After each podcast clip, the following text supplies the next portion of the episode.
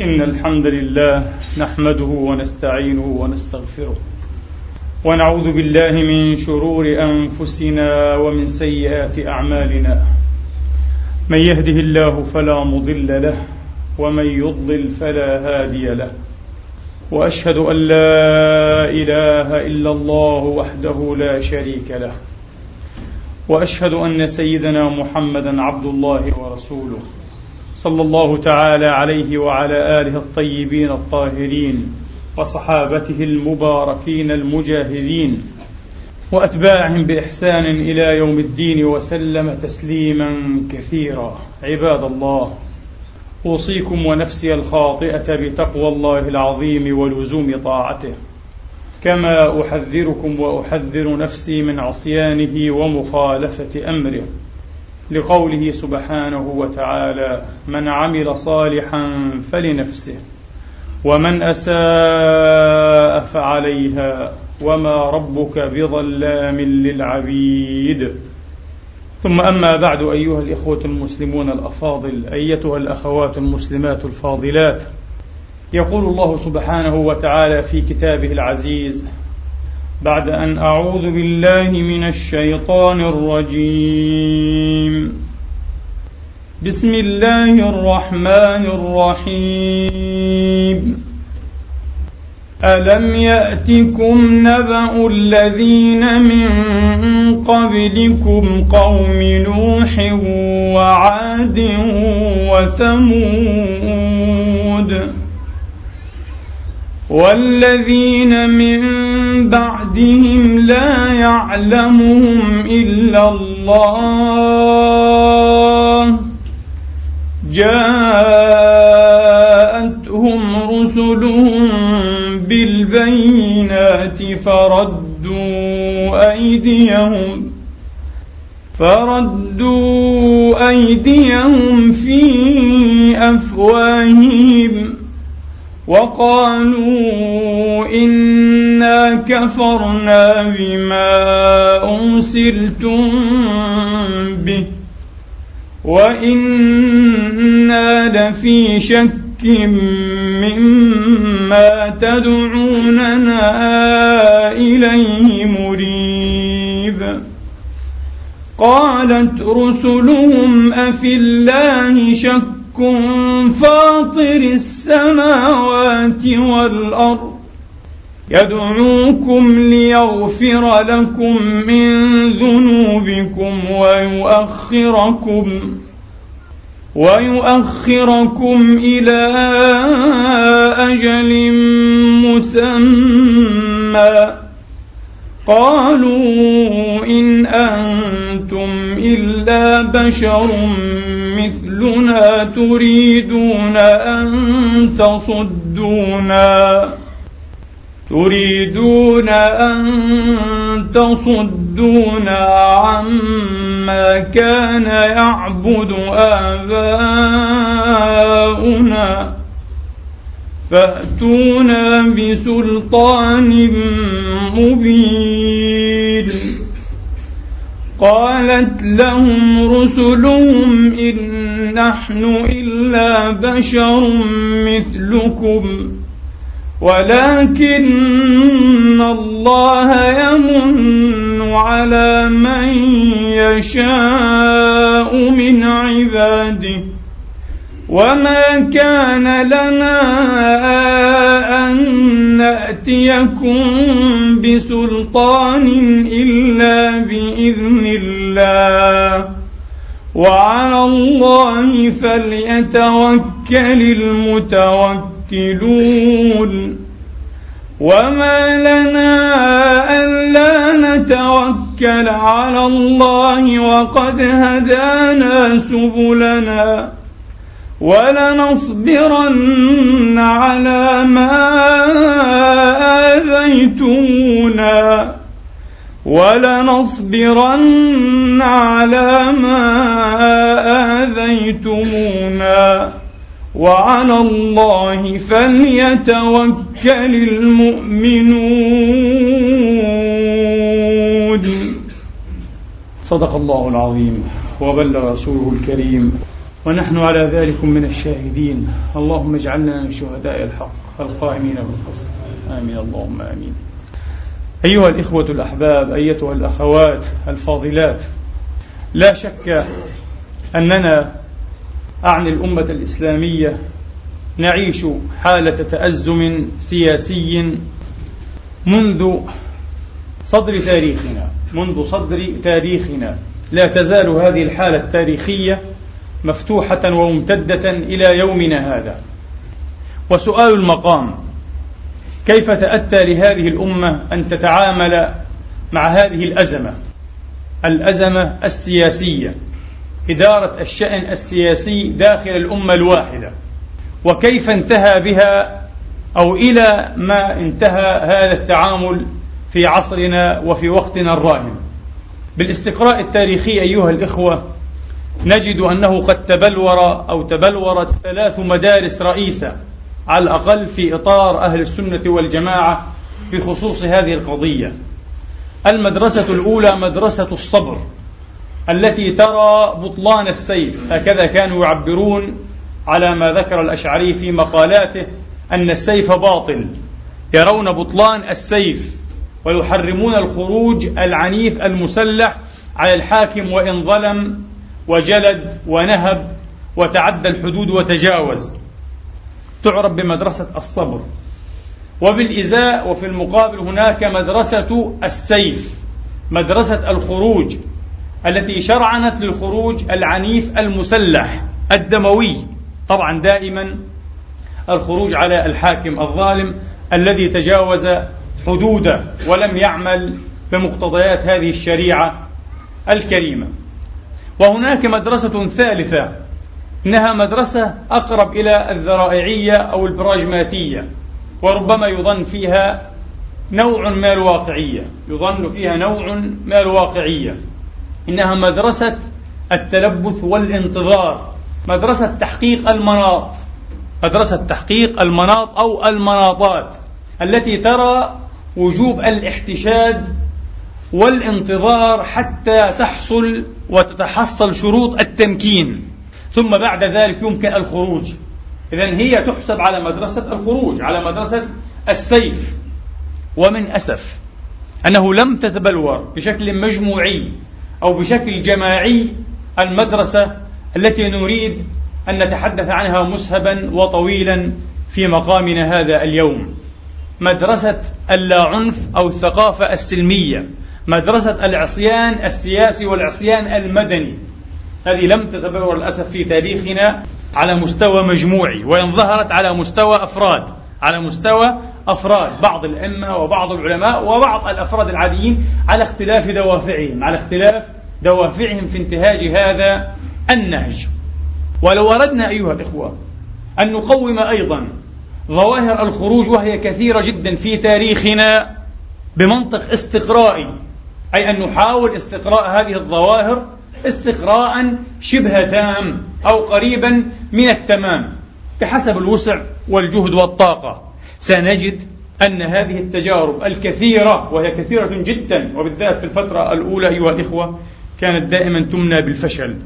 الخيبة في انتظارها للأسف الشديد التي نجحت منها. فمثلا الخلافة العباسية أو الدولة العباسية هي ظاهرة خروج هي ظاهرة خروج. هم خوارج على بني أمية هم خوارج على بني أمية بعد أن أنهكت المعارك الطويلة المفتوحة بين بني أمية وبين الخوارج الدولة الأموية حتى نضجت كما يقال تفاحتها للأسف لم تسقط هذه التفاحة في يد الخوارج وإنما سقطت في يد أولئكم المتربصين القابعين الماكثين الثاوين في الظلام والعاملين بصيغة تنظيمية غاية في الاستبطان والسرية والإحكام. أعني دعاة العباسيين دعاة العباسيين ما العرب والفرس وعلى رأسهم أبو مسلم الخراساني. لقد سقطت التفاحة في يد هؤلاء ولم ينل الخوارج منها نصيب. لم ينل الخوارج منها نصيب. وإذا كان بنو أمية كما قيل أفلحوا أو قدر لهم بقدر الله المحض أن ينجبوا وبين قوسين بطريق الخطأ خليفة عادلا مقسطا كعمر بن عبد العزيز فإن بني العباس لم يفعلوا مثل ذلك لم ينجحوا. أن ينجبوا رجلا كعمر بن عبد العزيز. ولذا لا سادس للراشدين في بني العباس. خامس الراشدين من بني أمية. لكن لا سادس لهم في بني العباس فالأمر في تنزل. الأمر في تنزل. والسؤال أيها الإخوة هل الوضع اللا شرعي أو هل اللا شرعية هكذا بالإطلاق والتعميم يمكن أن تزال بلا شرعية؟ يمكن أن تزال بلا شرعية؟ هذه هي فحوى ظواهر الخروج. لا شرعية تحاول لا شرعية أخرى. من الذي انتخب هؤلاء؟ ومن الذي صدرهم؟ ومن الذي خولهم؟ ومن الذي أعطاهم الصلوحية أن يتحدثوا وأن يتصرفوا بالنيابة عن الأمة؟ لا أحد. إنها مجرد أحزاب وتنظيمات وحركات وتنظيرات وكل حزب بما لديهم فرحون. والحال انتهى أيها الإخوة إلى ما تعلمون من الوضع البئيس والقابض جدا في عصرنا هذا. وأيضا على مدار ثلاثة أو أربعة عقود أيها الإخوة يؤكد الاستقراء يؤكد الاستقراء أن هذه الظواهر في عصرنا هذا في وقتنا هذا لم تكن نتائجها بأحسن من النتائج التي سجلها التاريخ. كانت بئيسة جدا في منتهى السوداوية وفي منتهى الإحباط. لهؤلاء الخارجين إذا صح أن يسموا خارجين وللأمة في مجموعها وللأمة في مجموعها. ومن هنا شهدت الساحة حركات تقويم ونقد ذاتيين بطريق الحملقة في العيوب التي لم تنقصها الشجاعة والجرأة. أيها الإخوة حين راجعت ذاتها وحين قومت مسيرتها وحين حاولت أيها الإخوة كما قلت بشجاعة وجرأة نادرتين مقدورتين ومشكورتين أن تضع النقاط على الحروف. لا أعني فقط مثل جماعة أو حزب النهضة التونسي في مراجعتهم المشرفة جدا. والتي عبروا عنها كتابيا أيها الإخوة وفي أكثر من حلقة دراسية بشكل واضح وإنما أيضا الجماعة الإسلامية في مصر المعروفة بجماعة الجهاد. لقد راجعت نفسها بشكل واضح وأعلنت دون جمجمة أيها الإخوة ودون تشكيك واسترابة أن الخط الذي سلكته كان خطا غير صحيح. بل لقد أعلن آحاد هؤلاء وهم يقادون إلى أعواد المشانق أنهم كانوا مخطئين وأنهم تبرعوا وهم يقادون إلى أعواد المشانق إذا لم يعنوا ذلك بضغط أو بإكراه أو ملقا ودهانا أو بدوافع أخرى أيها الإخوة. أبدا بدوافع علمية بدوافع شرعية محض كما تخيلوها. لقد كنا على خطأ. حتى الدكتور عمر عبد الرحمن الذي يقضي فترة السجن مدى الحياة في سجون أمريكا أيها الإخوة وافق على هذه المراجعة وأكد على صحة هذا التقويم وأكد على صحة هذا التقويم. إذا ما الذي حدث؟ وما الذي يحدث؟ ولماذا النهاية دائما على هذه الشاكلة؟ النهاية دائما على هذه الشاكلة. لأن البعض يقول يعني ما كان حلالا على غيرنا ينبغي أن يكون حراما علينا. لقد شهد الآخرون أيها الإخوة تاريخا ممتدا وحافلا بالثورات وقد نجحت هذه الثورات أو تلكم الثورات أن تحقق الكثير وأن تقدم الكثير للشعوب المسحوقة المضطهدة. أيها الإخوة المظلومة وعلى رأسها طبعا المثال الموحي والملهم الثورة الفرنسية. وهذا استدعاء خاطئ أيها الإخوة هذا استدعاء خاطئ. الموضوع متشعب جدا كما قد يتراءى لكم ولي أيها الإخوة ولكن نريد فقط أن نضع النقاط على بعض الحروف. في هذا الفصل الطويل في هذا الفصل الدامي الطويل والذي فيه التباس شديد. أولا أيها الإخوة فرق كبير بين مدرسة الصبر وبين المدرسة التي نتمنى أن تتبلور بشكل واضح. مدرسة العصيان المدني. مدرسة العصيان المدني استراتيجية اللا عنف الداخلية طبعا وليس على جميع الجبهات. ينبغي بداية أن أوضح أيضا أيها الإخوة دفعا للبس محتمل أنني لا أتحدث في إطار ثورات وحركات ونضالات التحرير والأحرار. هذا شيء آخر. الصراع السياسي بين الأمم فيما بين بعضها البعض شيء وفي الأمة الواحدة شيء مختلف تماما. أنا أتحدث عن الصراع السياسي وإدارته في الأمة الواحدة في المجتمع الواحد في داخل الدولة الواحدة. أما ما عدا ذلك فهذا له مجال يطول فيه الحديث جدا وهو أسهل طبعا وأوضح وأدنى إلى الاتفاق أو الوفاق. طيب أيها الإخوة فرق كبير بين مدرسة الصبر كما تبلورت تاريخيا وللأسف التي أفرزت فقها سلطانيا يداهن الحاكم ويتملقه وينافقه ويسوغ له التجاوزات مهما بلغت هذه التجاوزات.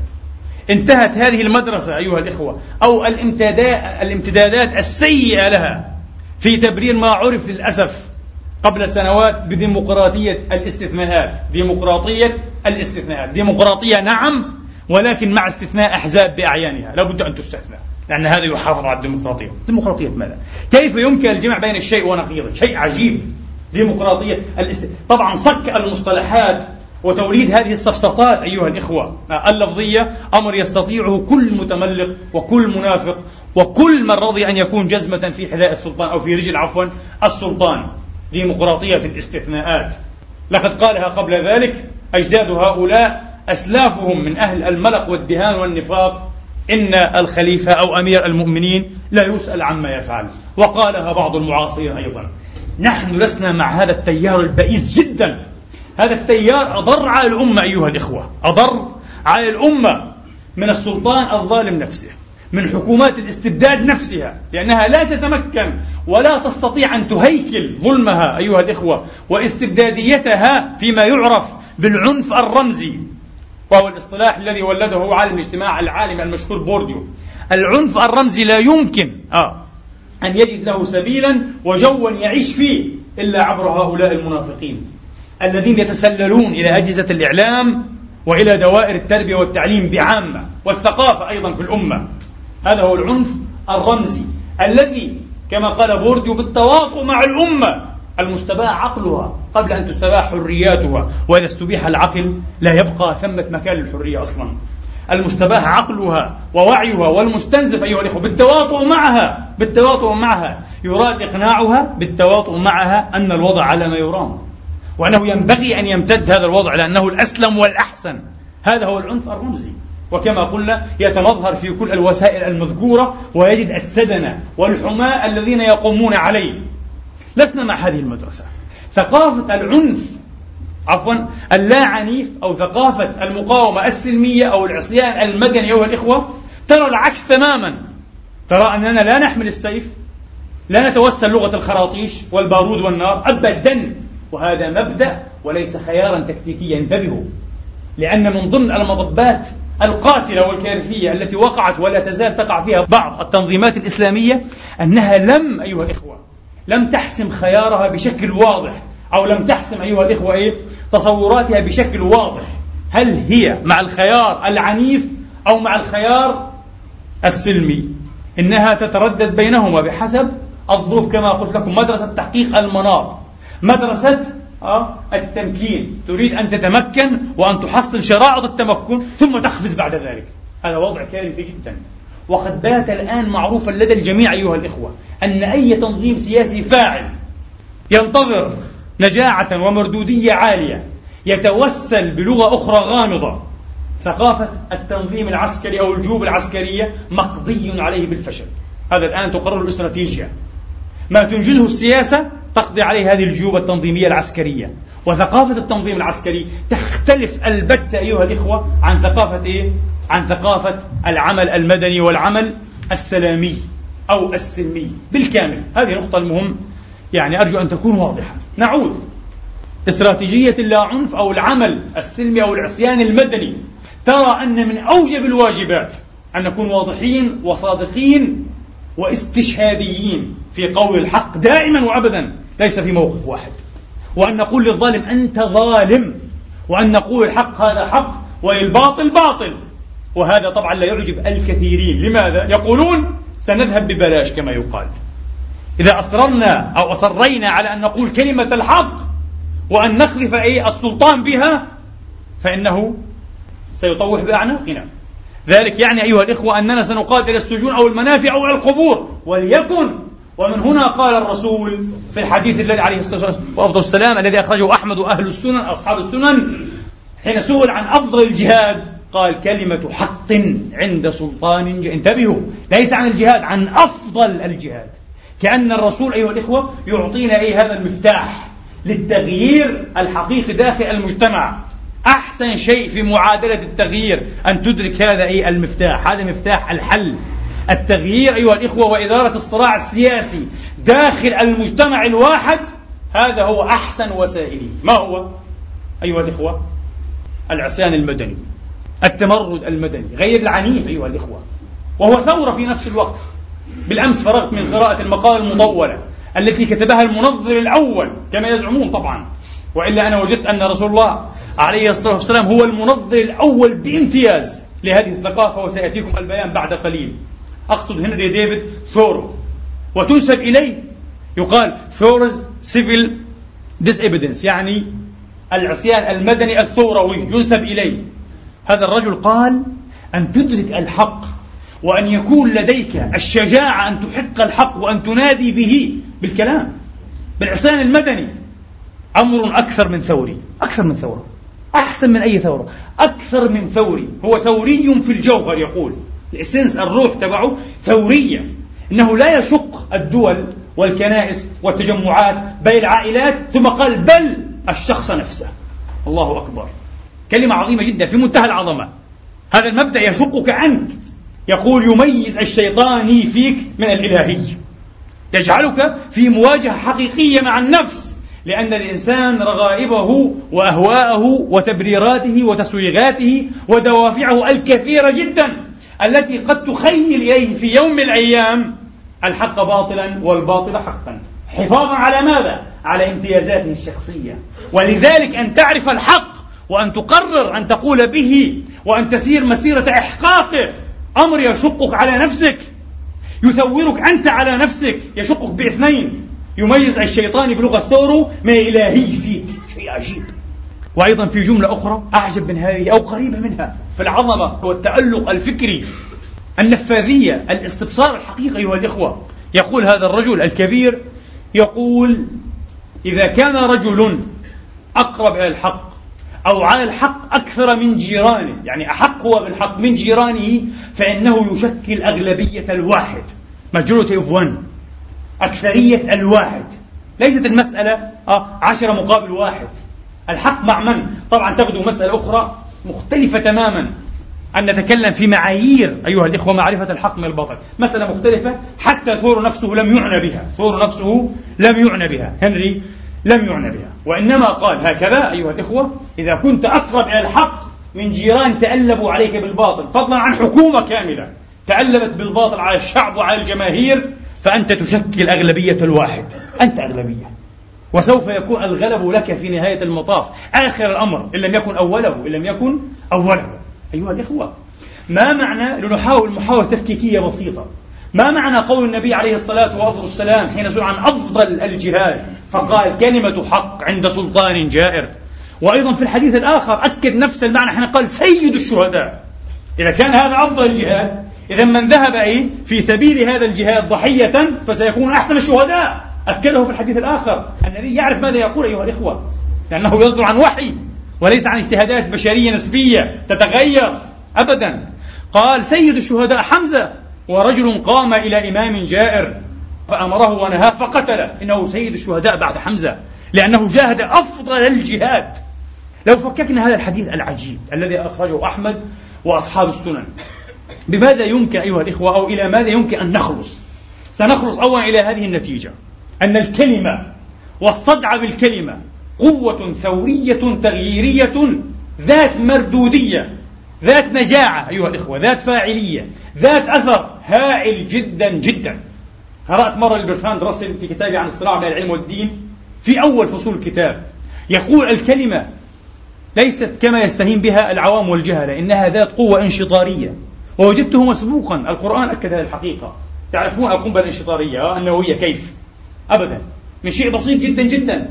يخرج الشيطان الطاقوي من قمقمه ليهلك مدينة ربما فيها خمسة ملايين. كذلك الكلمة أيها الإخوة. إن خرجت بحق وبالصيغة المناسبة ترفضها أيها الإخوة. خلفية نظرية مبدئية صحيحة وسليمة. فهذه ذات قوة انشطارية. يمكن أن تغير.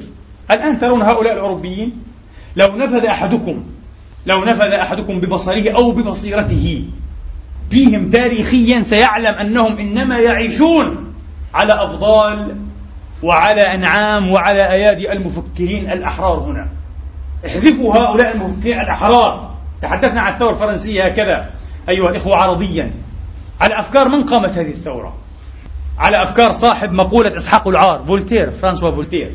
على أفكار مونتسكيو صاحب روح القوانين على أفكار جان جاك روسو على هؤلاء. احذفوا أمثال هؤلاء. لن تكون الثورة الفرنسية. مستحيل.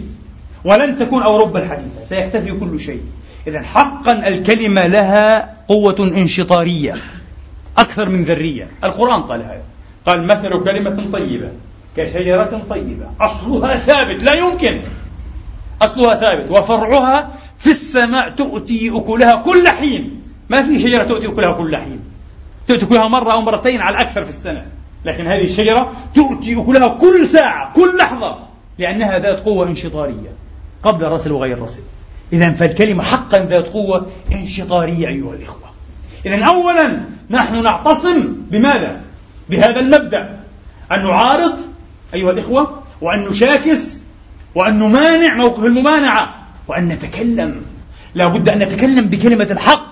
لا بد أن نقول للحق إنه حق وللباطل إنه باطل. إذا رأيت أمتي تهاب أن تقول للظالم يا ظالم فقد تودع منها. أي صلوا عليها الجنازة انتهت أمم الأموات.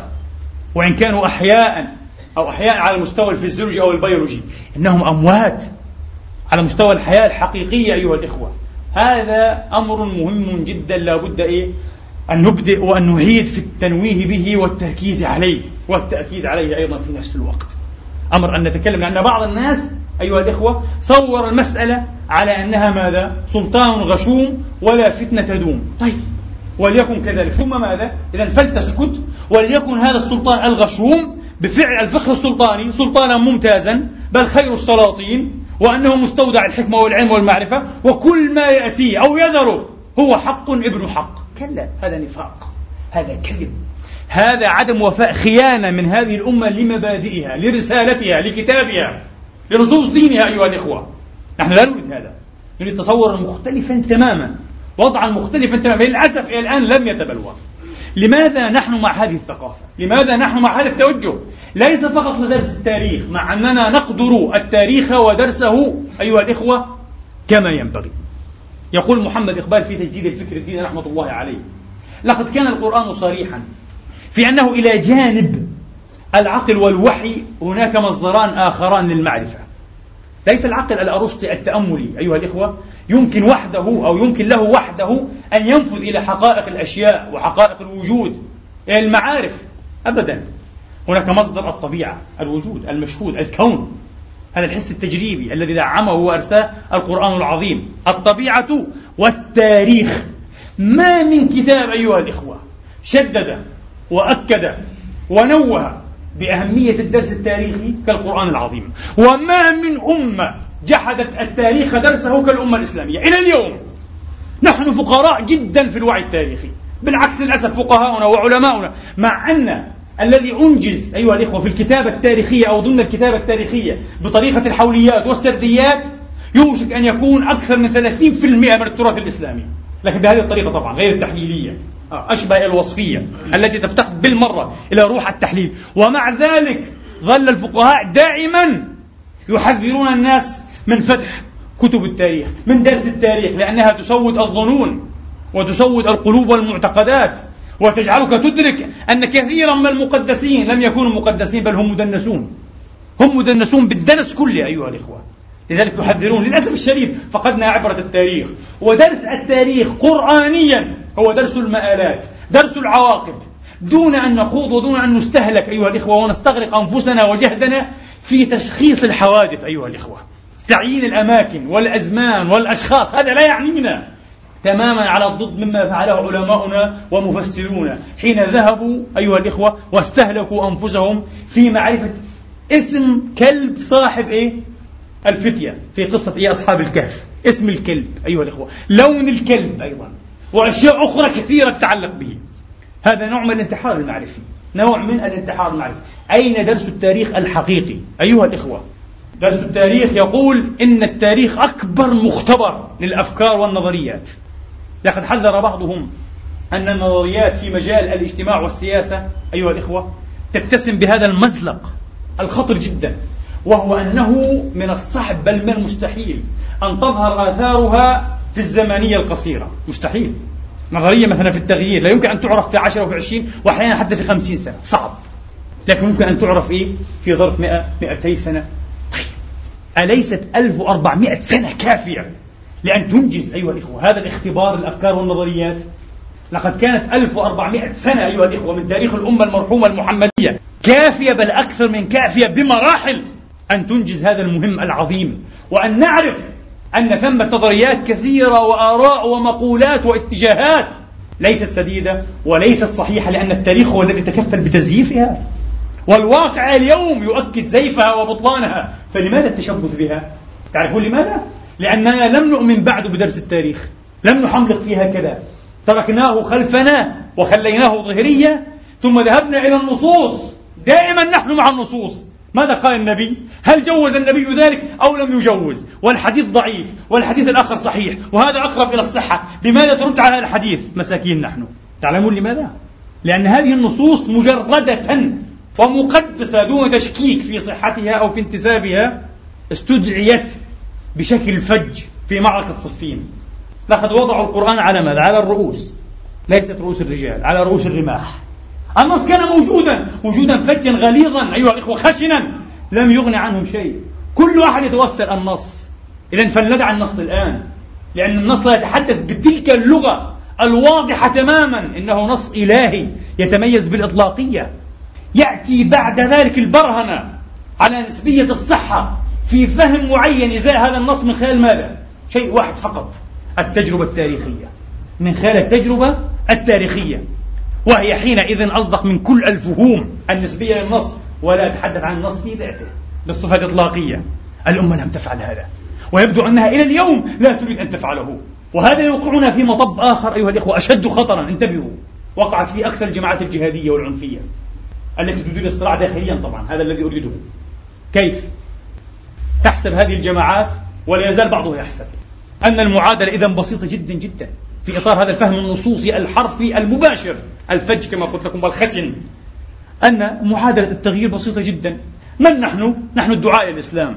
المطالبون بتحكيم شرع الله. من الآخر؟ الحكومة العلمانية القومية القطرية الكافرة المرتدة المذيلة أو المتذيلة. للأجنبي لليهودي للأمريكي. ماذا يقول النص؟ لا بد من الحرب لا بد من رفع السيف مباشرة. فالمسألة محلولة جدا. مستحيل. مستحيل. هذا منطق كارثي في التغيير. وقد قاد إلى كوارث ولا يزال. وأفغانستان والجزائر وغيرهما شاهدان أيها الإخوة. للأسف الشديد. للأسف. طبعا أنا أحلل فقط هذه التجارب. وبجهة العموم. لا أحلل التجارب الناجحة الأخرى التي اختطت خطا مخالفا. سواء في ماليزيا في تركيا في غيرها. هذا موضوع مختلف. وهي أكثر بحمد الله تبارك وتعالى. لكن دائما الضوء يسلط على الأخطاء. منا ومن غيرنا. لماذا هذا المسلك انتحاري أيها الإخوة؟ لماذا؟ لأن كل ما يتعلق بالاجتماع والسياسة جدلي تضايفي ليس خطيا ميكانيكيا. والمعادلات ليست من النوع البسيط. إنها شديدة التركيب ومقتل النظرية ومقتل التطبيق المنبثق عنها. في ماذا؟ في تبسيط المعقد وتبسيط المركب. الآن مثلا هل ببساطة المعادلة فعلا هي معادلة إيه؟ أنا والسلطة المعارضة والسلطة أم أن السلطة بالمعارضة أيها الإخوة بالمنطقة كلها داخلة في ماذا؟ في موازنات دولية شديدة الخطر لم يدرك بعض هؤلاء الإسلاميين مع حسن نواياهم أو حسن نوايا الأكثرين منهم أيها الإخوة أنهم حين كانوا في النقطة الأكثر قربا من تسلم السلطة أن الوضع العالم والإقليمي قد تبدل بالكلية مفاوضات بين العرب وإسرائيل. نظام عالمي جديد موقفه شديد الشنعان للإسلام وهي المشروع الإسلامي أيها الإخوة. وقالها رئيس حلف الناتو أيامها بشكل واضح انتهى الخطر الأحمر وعلينا الآن أن ننظر في الخطر الجديد إنه خطر الإسلام. قال هكذا في برشلونة أعتقد أيامها في أوائل التسعينيات. هكذا خطر الإسلام أنه الخطر الذي تهدد العالم الغربي كله. الآن طبعا هي تصريحات تواترت أكثر أيها الإخوة وبسخونة أكثر وبتصريح وبوضوح أكثر بكثير. على كل حال حرب الخليج الثانية فككت العرب ومزقتهم شر ممزق كما يقال. أفول تخريبا الخطاب القومي. لصالح ماذا؟ الانعطاف الجماهيري نحو المد الإسلامي. وحرب الخليج بررت ذلك. هي التي بررت ذلك. مما وضع الإسلاميين في مواجهة لا أقول محتملة بل مباشرة ومفتوحة. مع النظم أيها الإخوة المحلية الإقليمية ومع النظام الدولي الجديد. لم ندرك ذلك. فالمسألة شديدة التركيب شديدة التعقيد تتداخل فيها عشرات العوامل في نفس الآن. ليست ميكانيكية بسيطة خطية. أنا وأنت انتهى. والنص. أبدا. ولذلك لابد علينا أن نتعلم أيها الإخوة. كما نحاور النص في نفس الوقت أن نحاور ماذا؟ الواقع. محاورة الواقع هي ما ينقصنا. للأسف قد تجد شيخا يحفظ البخاري ومسلم والسنن وأحمد والقرآن ولا يعرف شيئا عن الواقع. لا يمكن أن نستفتيه فيما يخص واقعنا. وكل أمور الدين تخص واقعنا. كل أمور الاجتماع والسياسة والاقتصاد والتربية والتعليم والحضارة والصراع الداخلي والخارجي هي أمور الواقع. من الصعب جدا لا يمكن انتحار أن يستفتى مثل هذا. أيها الإخوة لأنه لا يستطيع أن يحاور واقع مبدود الصلة بالواقع مبدود الصلة بالواقع وأيضا بعيد من درس التاريخ مشكلة كبيرة. يتوسل فقط استدعاء النصوص. للأسف بدأ الوقت يداهمنا. فلنعد إلى النصوص أيها الإخوة. بعض الناس قد يقول هذا المسلك غير صحيح وأنا غير مؤمن بهذه الطريقة وهذه الطريقة قد تكون غير مجدية. بالعكس هذه الطريقة أيها الإخوة مجدية وأكثر من غيرها بمراحل. تعلمون لماذا؟ أولا طبيعة النشاط السلمي في التغيير والإنكار والممانعة تسمح بتجنيد أكبر نسبة ممكنة إيه؟ من الجمهور. الرجال والنساء الكبار والصغار الأميين والمتعلمين. صحيح؟ نشاط سلمي. لا يخلق حالة من البارانويا والشعور بالاضطهاد والخواف الفوبياز الخوافات الكثيرة أبدا. فتسمح بذلك. هذه واحدة. ثانيا تسمح دائما بأن تفرز القيادات بطريق شورية يعني بطريق ديمقراطية بخلاف التنظيمات العنفية المسلحة إنها تشتغل في السراديب وتحت الأرض وخلف الكواليس ودائما تقع في قبضة أشخاص طماحين وقد يكون بعضهم طماعين وقد يكون البعض الثالث قاصرا من القاصرين لم ينتخبهم أحد أيها الإخوة ولم يصوت عليهم أحد. هكذا جاءوا بقدرة قادر يقود التنظيم السري العنيف. في هذا التنظيم أيضا المنطق منطق الخضوع المطلق. لا نقاش لا مراجعة. والنبي عليه الصلاة وأفضل السلام أشار إلى هذه الحقيقة. في صحيح مسلم قال ويكثر القتل أو الهرج. ما الهرج يا رسول الله؟ قال القتل حتى لا يدري القاتل فيما قتل ولا المقتول فيما قتل. اقتل يقتل. ما في نقاش. وطبعا في شرعية زائفة أيها الإخوة تستمد من النصوص بالقتل. بعض الناس يقول ولكن لا يقتل إلا الكافر أو الذين صدرت فتاوى بتكفيرهم كفرج فودة وغيره مثلا. وهذه مصيبة. تعلمون لماذا؟ لأن هذا الباب أيها الإخوة إذا انفتح. لن تبقى ضمانة لأي أحد كائنا من كان ألا يستباح دمه. ولا أكبر شيخ ولا مفتي الإسلام. يمكن يستباح دم مش فرج فودة. البداية بفرج فودة. والنهاية بالشيخ الفلاني بالعلامة الفلاني بالمفتي الفلاني. لماذا؟ لأنك لن تكون أعبد ولا أحلم ولا أصبر من عثمان بن عفان وقد قتل. وأنا أعتبر أن أول ظاهرة خروج ليست هي الخروج على الإمام علي عليه السلام بل على عثمان. ظهر خروج مسلح حقيقي أيها الإخوة. توسلت العنف. وما حصل لعثمان هو الذي مهد كل الذي حصل للإمام علي. كل الفتنة التي أصابت هذه الأمة. هؤلاء كانوا خوارج. عثمان قتل صاحب رسول الله. الإمام علي عليه السلام من سيكون مثله في العلم والعدل والزهد والإمامة والتقى؟ لقد قتل أيضا. استحلوا دمه ودم أتباعه. مع أنه أيها الإخوة لم يواجههم بنفس المنطق. وهذا يؤكد أنه كان إيه؟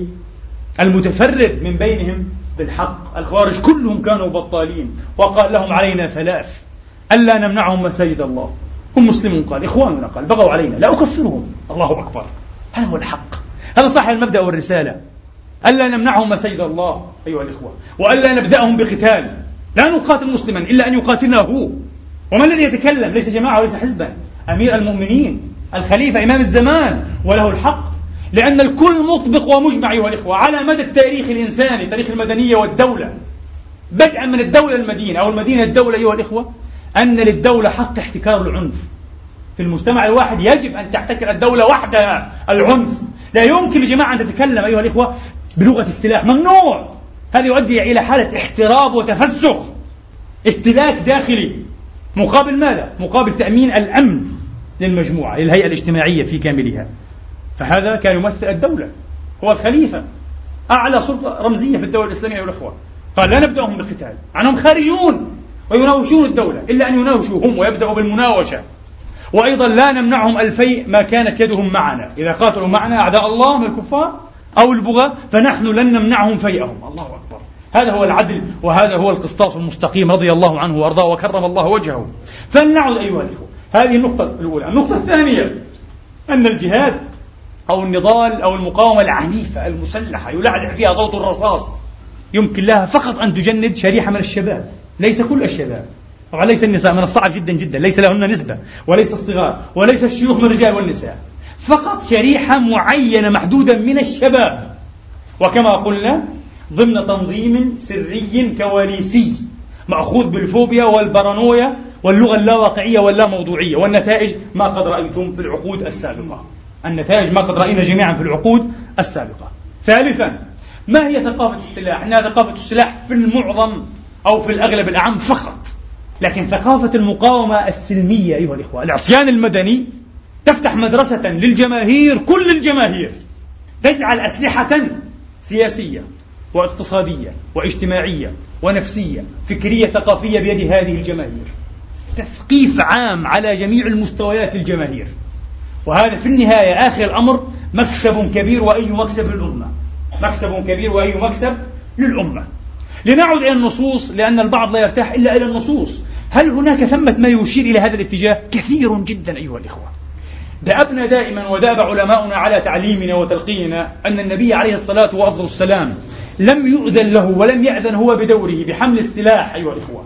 ومبادرة الكفار الذين بادروه ظلما وعدوانا وعسفا لأن المجتمع المسلم لأن الجماعة الإسلامية الرسول ومن حوله ومن معه كانوا قلة مستضعفة في مكة ولو قد فعلوا لأعطوا ذريعة إلى استباحتهم. وهذا حق لكنه ليس الحق كله ليس السبب الوحيد. تعلمون لماذا؟ لأن الرسول عليه الصلاة وأفضل السلام أولا لم يحد عن هذه الخطة في مجتمع المدينة عفوا في دولة المدينة حيث صارت له دولة أيها الإخوة. وكان في المجتمع أيضا طائفة ليس أفراد يشكلون حالة ردة مقنعة أو مستعلنة إنما أفراد ولهم ثقل ووزن. أعني عبد الله بن أبي لعنة الله عليه وأمثالهم المنافقين. وهؤلاء كانوا يشكلون طابورا خامسا وبلغة القرآن عدوا حقيقيا أشد فتكا وخطرا من العدو الآخر. بلغة القرآن هم العدو فاحذرهم. الله قال قاتلهم الله. ومع ذلك النبي لم يعدن باستباحتهم ولم يرضى بذلك. قال لا أريد أن يقول الناس أو يتحدث الناس أن محمدا يقتل أصحابه مما يؤذن باحتراب داخلي بتهالك المجتمع بتفسخ الوحدة أيها الإخوة. النبي كان له خطة مرسومة طبقها في مكة وطبقها في المدينة بغض النظر عن هذا العدو. ينتمي إلى الجماعة أم خارج المنظومة العقدية الأيديولوجية بالكلية ككفار مكة؟ نفس الخطة. أغرب من ذلك النبي بنور الوحي بنور الله تبارك وتعالى. علم أن هذه الأمة ستتعرض لفتن وكوارث وملمات ومصائب ومرائر. لا أول لها ولا آخر. علم ذلك علم اليقين بالوحي. وأخبر أصحابه بذلك. وقال في الحديث الصحيح إني لأرى إني لأرى إيه؟ مواقع الفتن من بيوتكم كإيه؟ كمواقع القطر. تنزل هنا وهنا وهنا وهنا. رأى الفتن النبي نفسه مجسدا من باب تيسير الأعراض معجزة له عليه الصلاة والسلام. في الحديث الذي أخرجه أحاديث كثيرة جدا.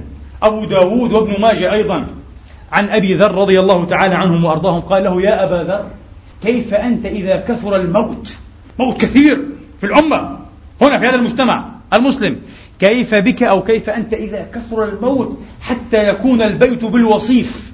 والمراد بالبيت هنا القبر أيها الإخوة. حتى يكون القبر بالوصيف والوصيف هو العبد والوصيفة هي الأمة. بمعنى أنه يكفؤ القتل جدا حتى يشغل الناس أو يضيق المكان عنهم. فمن أراد إيه؟ أن يحجز له مكانا ليدفن فيه لابد أن يدفع ثمنه باهظا ثقيلا. عبد ثمن عبد.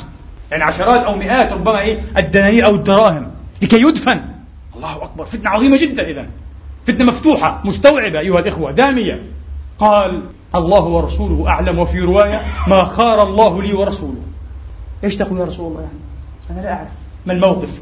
قال له اصبر. أو قال تصبر. في رواية قال يا رسول الله أفلا أحمل سيفي؟ فأضعه على عاتقي. أحمل سيفي معي. وفي اللحظة المناسبة أخرج بالسيف أشارك أدافع عن نفسي على الأقل عن أهلي عن حرمي عن أولادي. قال إذا شاركت القوم يا أبا ذر. حتكون منهم. من أصحاب هؤلاء الفتنة. حرب أهلية. إذا شاركت القوم يا أبا ذر. ثم قال له يا أبا ذر قال لبيك وسعديك يا رسول الله. قال كيف أنت بحجارة الزيت إذا غرقت بالدم؟ وحجارة الزيت مكان بحرة المدينة. المدينة في جنبتيها أيها الإخوة الحرتان. حجارة سود مسننة. هي أثار انفجار بركاني قديم. والمنطقة كانت بركانية أيها الإخوة. منطقة بركانية. حجارة الزيت مكان. سماها حجارة الزيت أيها الإخوة لأنها كأنها مدهونة إيش؟ بالزيت. لشدة سوادها تلمع هكذا. لشدة سوادها كما قال الشراح. كيف أنت بحجارة الزيت إذا غرقت بالدم؟ قلت الله ورسوله أعلم.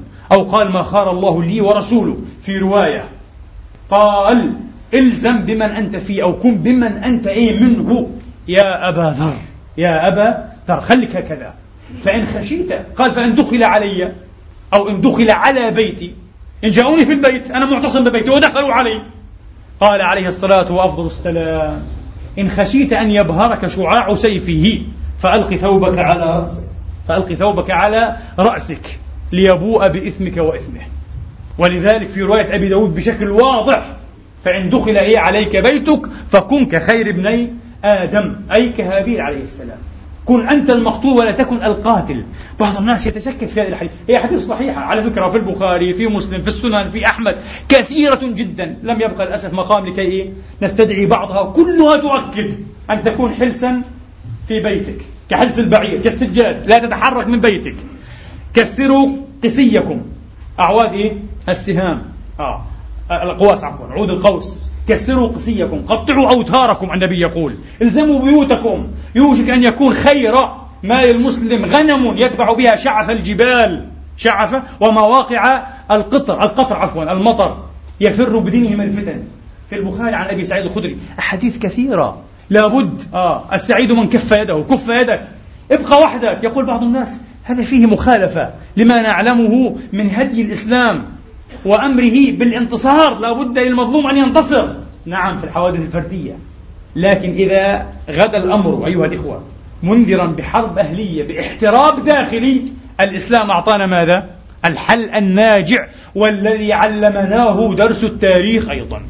إذا قامت الحرب الأهلية رأينا في الصومال رأينا في لبنان رأينا في إسبانيا حروب أهلية كثيرة الآن في الجزائر للأسف الشديد. إذا قامت الحرب الأهلية لن تنكسر حلقة العنف الجنونية إلا بشرط واحد أن أحد الفرقاء أيها الإخوة أو فريق من الفريقين يلقي السلاح بغير شرط. هكذا مباشرة يلقي السلاح. سيجد الآخر نفسه في موقف إيه؟ في موقف محير جدا. يصارع من؟ ما في صراع ما في طرف للصراع.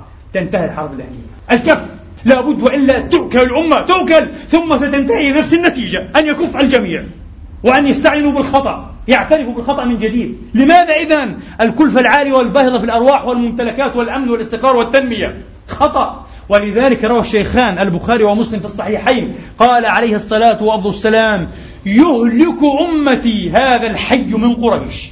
يشير إلى بني أمية النبي. لأنه قال في الحديث الآخر عن أبي هريرة هلاك أمتي على يد أغلمة وفي رواية أغيلمة من قريش. أولهم كان يزيد بن معاوية غلام وقد فعل بالأمة ما فعل. عليهم الله ما يستحق. النبي يعلم هذا وهذا في الصحيحين. ولذلك كان أبو هريرة كما في مصنف ابن أبي شيبة بإسناد حسن. كان يمشي في المدينة وهو أمير ويقول أعوذ بالله من إمارة الصبيان وأن تدركني رأس الستين. رأس الستين تولي أو يزيد بن معاوية. ومات أبو هريرة سنة 59 واستجاب الله دعوته رضي الله عنه وأرضاه. كان يعلم ذلك. على كل حال النبي يقول يهلك أمتي هذا الحي من قريش. قالوا يا رسول الله فما تأمرنا؟ قال لو أن الناس اعتزلوهم. ما معنى كلمة لو أن الناس اعتزلوهم؟ المقاومة السلمية. الآن نحن في وضع أشد تغولا وأشد مركزية مئة مرة إذا ما كانش أكثر من وضع بني أمية والعباس والمماليك والعثمانيين. كثير جدا. لماذا؟ لأن الدولة الحديثة ليست كالدولة القديمة السلطانية. الدولة السلطانية كانت تكتفي بجباية الضرائب والمكوس أيها الإخوة وحماية الحوزة الأمن القومي. صحيح؟ هذا هو. بس. والجهاد جهاد العدو. أما الدولة الحديثة فهي دولة متغولة التعليم والاقتصاد والثقافة والإعلام والسياسة والأمن والمال كل شيء بيدها أيها الإخوة. وعنفها بنيوي. أو بنياني هيكلي رمزي أيضا مع العنف الخشن المادي الواضح تحتكر حتى كل أشكال العنف الدولة ليس العنف المادي. فهذا القضاء عليه أصعب بكثير القضاء عليه أصعب بكثير. وأيضا هذه لا تنسوا أنها دولة حداثية أو تريد تحلم أن تكون حداثية والحداثة تعني نسبية القيم. لا مقدسات لا عصمة الأرواح ولا للشرع. ولذلك هؤلاء علموا حياتنا. أرادوا لنا حتى أن نمتلخ وأن ننسلخ من ديننا. لأنه لا قداسة عندهم أيها الإخوة لأنهم حداثيون. هذه بركات الحداثة الغربية التي يراد لنا إيه؟ أن نأخذها دون قيد أو شرط. فالوضع مختلف تماما. ولذلك يبقى الحل الصحيح. هو الحل النبوي. أخيرا أختم بهذه الكلمة. ميكافيلي أيها الإخوة مؤسس علم السياسة الحديث صاحب الأمير. ميكافيلي قال كل الأنبياء والمصلحين كانوا فاشلين إلا أولئك الذين حملوا السيف. العنف العنف الذي يؤسس الدول. هكذا يقول ميكافيلي ونقول له خطأ. هناك حالة استثنائية تؤكد عدم صحة إيه هذه المقولة. ليست صحيحة بالإطلاق أيها الإخوة. وهي ماذا؟ أن محمدا عليه الصلاة والسلام أسس لدينه وأقام دولته ورفع راياتها وأعلامها دون أن يسفك قطرة دم واحدة أليس كذلك؟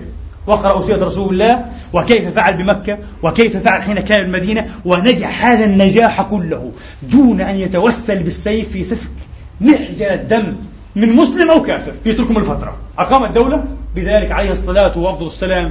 إذا لابد أن نفكر بطريقة أخرى والحديث له بقية. أقول قولي هذا وأستغفر الله